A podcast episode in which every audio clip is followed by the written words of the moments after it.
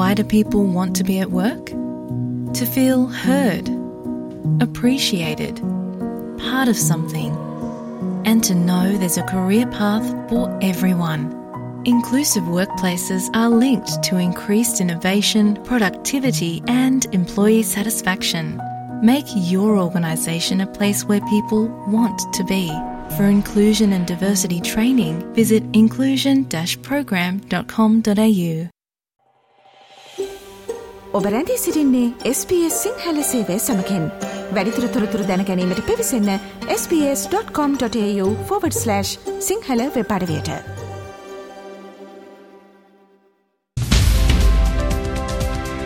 මවබිමින් පුවත් ඔස්ට්‍රේලියාවේ අද උදැස්ස නවද විට ශ්‍ර ලංකාවෙන් වාර්තාාවන ප්‍රධානතම පුවත් කිහිපය මෙන්න. අද නව වසරේ පළවෙනි දවස දෙදස් විසි හතරේ ජනවාරිමාසේ පළවෙනිදා. එමනම් අදත් අපි මෞබිමෙන් පුවත් විශේෂාන්ගේ ආරම්භ කරන්න සූදානම් ශ්‍රී ලංකාවේ සිදුවීම් දෙස අවධානයොමු කරමේ. වැඩබද්ද ඉහළ නැංවීම සඳහා පාර්ලිමේන්තුවට ගෙනා කෙඩුප්පත පසුගේ එකොළොස්වැනිදා පාර්ලිමේන්තුවේ සම්මතවීමත් එක්ක අදින් උදාවන නවවසරේ වැට්බදු වැඩිවීමක් සිදු වෙනවා. සේට 15ක් තිබුණු වැට්බද්ද තවත් 3%ක් වැඩි වෙලා සේට 18ක් බවට පත් වෙනවා. අලුතින් වැට් එකතු කරන කාණ්ඩයන් සඳහා වැට් ගාස්තුව 18ක්ම ලෙස අලුතින් වැඩි වෙන තත්වයක් පෙනෙන්න තියෙනවා. ඒ අනුව මේ වනකන් බදු අය නොකරපු භාණ්ඩ හා සේවා කාණ්ඩ සඳහාත් අලුතින් වැට්බදු එකතු වීම නිසා සේවා සපයන භාණ්ඩ හා සේවාවල ගාස්තුව එතන එකවරම වැට් නිසාම 18කින් වැඩි වෙන්න ඉඩක් තිබෙනවා.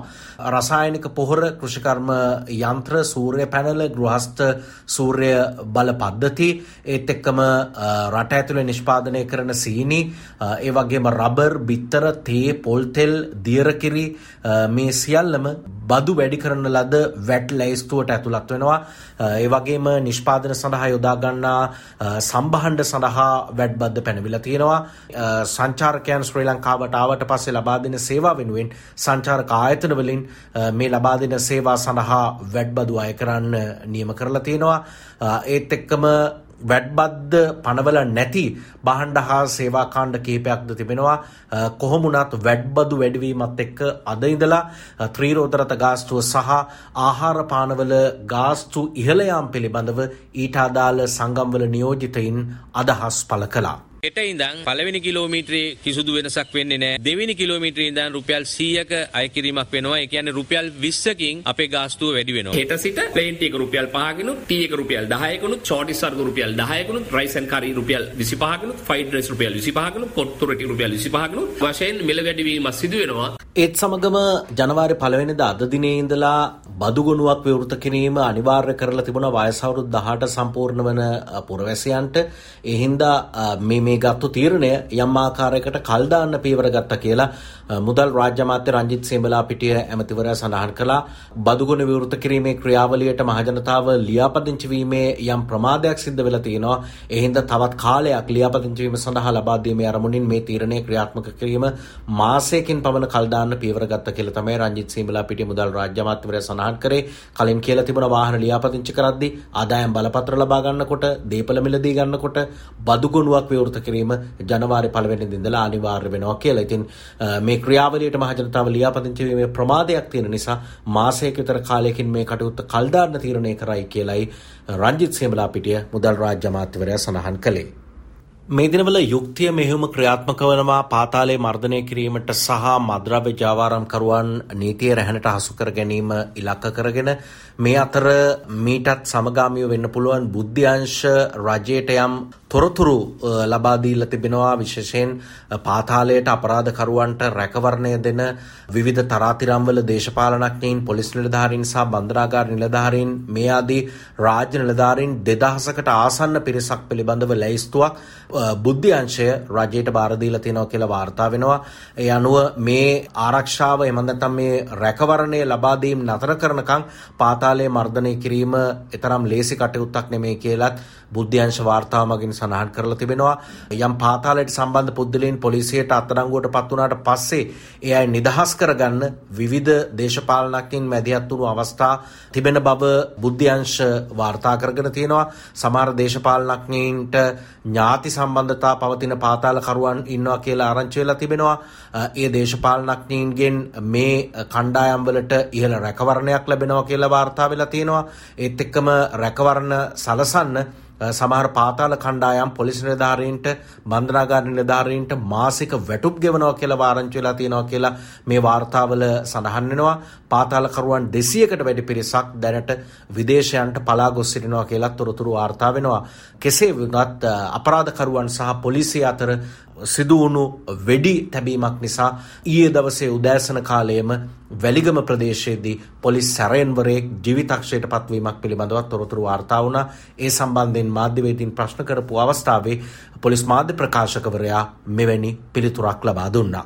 වැලිගම මුලස්ථාන පොලිස් පරීක්ෂකවරයා මේ සම්බන්ධයෙන් විශේෂ විමර්ශනයක් ක්‍රියාත්මක කරනවා. වෙඩි තැබීමෙන් ඒ ආසනයේ තිබුණු අනෙක් හෝටලයට යම්කිසි ආකාරයකට වීදුරු වලට හානි සිදු වෙලා තියෙන බව සඳහන් වෙනවා. කෙසේ වුවත් මේ සම්බන්ධව කනගාටු වෙනවා පොලිස් නිලධාරියෙක් අවසනාවන්ත ලෙස මිය ගිහිල්ලා තියෙනවා. මේ වාහනයට මේ වෙඩි දෙපාර්ශ්වෙම වැදිලා තිබෙන බව තමයි ජ්‍යෙෂ්ඨ පොලිස් අධිකාරිවරයා වාර්තා කරේ. නමුත් මේ පුද්ගලයා මියගේ කුමන වෙඩි තැබීමකින්ද කියන එක මෙතෙක් තහවුරු වෙලා නැහැ. සැකකරුවන් පලා යාමක් සම්බන්ධව වාර්තා වෙන්නේ නැහැ. නමුත් ඒ අවස්ථාවේ දැන් වෙඩි තැබපු පුද්ගලයා අත්අඩංගුවට පත්වීමක් නැහැ. නෑ ඒ නිසා තමයි විමර්ශන කටයුතු ක්‍රියාත්මක කරන්නේ. පෞගේ දිනවල තොරතුරු වාර්තා වුණා නිදහස ජනතා සභාව නියෝජනය කරන ඩාල සලහපෙරුම මන්ත්‍රීවරයා නායකත්වය දෙන කණ්ඩායමේ පිරිසක් සමග ජනබලවේගය සමග එකාසු වෙන්න සූදානමින් ඉන්නවා කියලා මේ පිළිබඳව ප්‍රසිද්ධියේ තොරතුරු වාර්තා නොවුනත් පුවත්පත් වාර්තා මගින් සඳහන් කරලා තිබුණා මාධ්‍ය සඳහන් කරලා තිබුණා.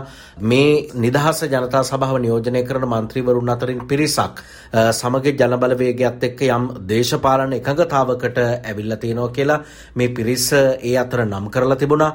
ජීඑල් පිරිස් මහාචාර්යවරයා නාලක ගොඩහේවා ඩිලාන් පෙරේරා චන්න ජයසුමන වසන්තයාපා බණ්ඩාර ඒත් එක්කම KPS කුමාරසිරි මේ කණ්ඩායම් සමග ජනබලවේගයත් එක්ක එක්කාසු වෙලා තිනවා කියලා වාර්තා වෙනවා. විශේෂයෙන්ම ඩිලාන් ඩිලාන් පෙරේරා මන්ත්‍රීවරයා මීට කාලයකට පෙර මල්බෙරි කණ්ඩායම නියෝජනය කරලා ඩැලසලහ පෙරුම් මැත්තුමාලා ඩිලාන් පෙරේරා මැත්තුමාලා එකම කණ්ඩායම්වල සහෘදයින් විදියට කටයුතු කරමින් හිටියා කොමත් මේ වාර්තා වෙන ප්‍රවෘත්ති අනුව මේ සම්බන්ධතා කෙසේ වෙතත් දැන් ඩිලාන් පෙරේරා මන්ත්‍රීවරයාත් යම් ආකාරයෙන් තීරණයක් අරගෙන තිබෙනවා කියලා වාර්තා වෙනවා.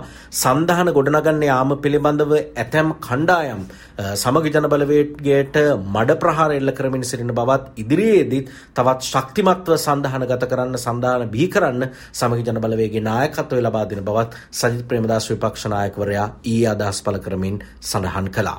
දැන් ජනාධිපතිවරයා ප්‍රමුඛ ඔහුට කත් අදින විවිධ ප්‍රවෘත්ති ප්ලාන් කරන කණ්ඩායම් මහා බියකට පත් වෙලා මේ සන්දානයක් ගොඩ නැගීම පිළිබඳව. දැන් ඒ අය එක එක බොරුකාර ප්‍රවෘත්ති තමන්ගේ පුවත්පත් ජාලය හරහා ක්‍රියාත්මක කරනවා. බොරුව සත්‍යයක් කරන්නට උත්සාහ කරනවා. හැබැයි මම එකක් ඔබතුමන්ලට කියන්න. රට ගොඩනගන මහා දැවැන්ත දේශපාලන සන්ධානයක් ගොඩනගන්නට සමගි ජන බලවේගය නායකත්වය ලබා දෙනවා කියන එක මම මේ අවස්ථාවේ ප්‍රකාශ කරන්න කැමතියි. ජාතික ජනබලවේගේ මැතිවරණය සඳහා බිම සකස් කිරීමේ වැඩසටහන් මාලාවක තවත් අධියරක් මාතරදී ක්‍රියාත්මක වුණා. ඒ තමයි ජාතික ජනබලවේගේ මාතර කාන්තා සමුළුව. මේ සමුළුවට එක්වුණු ජාතික ජනබලවේගේ නායකයන් රුකුමාර දිසානායක මන්ත්‍රීවරයා අදහස් පළ කළා.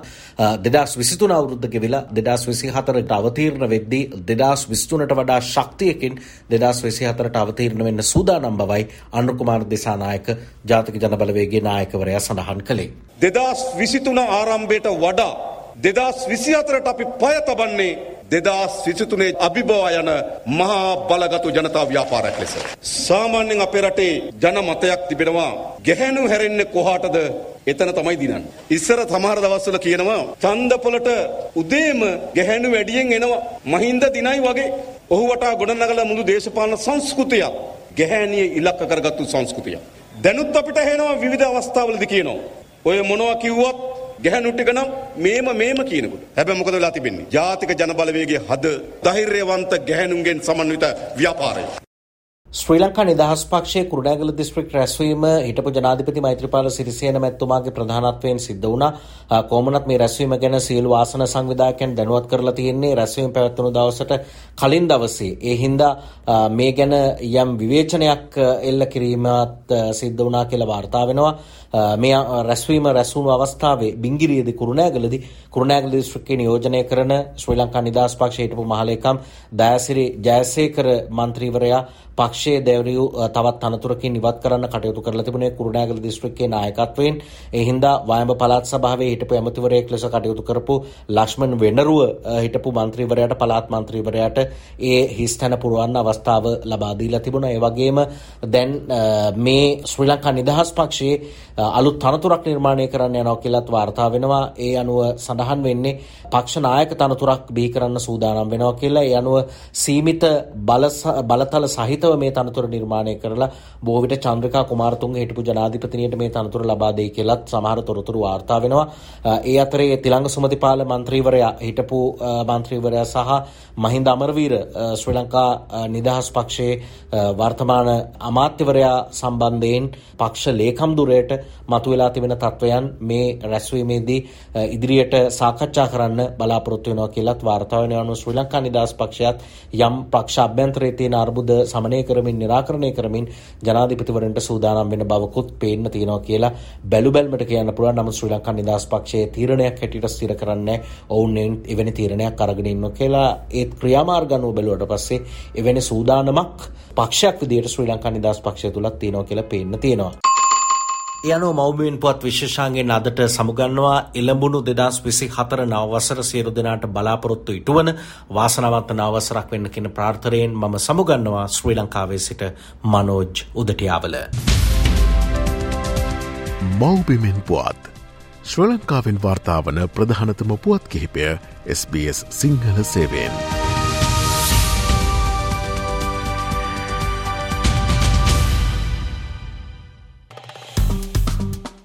ලයි කරන්න ෂයා කරන්න අදහස් ප්‍රකාශ කරන්න SBS සිංහල ෆස්බුක් පිටුව ෆලෝ කරන්න.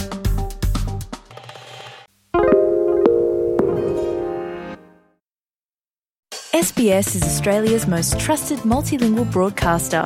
Our listeners are loyal, highly engaged, and have supported countless local businesses. We offer advertising packages for businesses of all sizes. Our experienced sales team will guide you through the process of owning a great campaign. Bring your own ad or have our production team make you something in one of our 68 languages. Start the conversation with your new audience today. Email sales at sbs.com.au.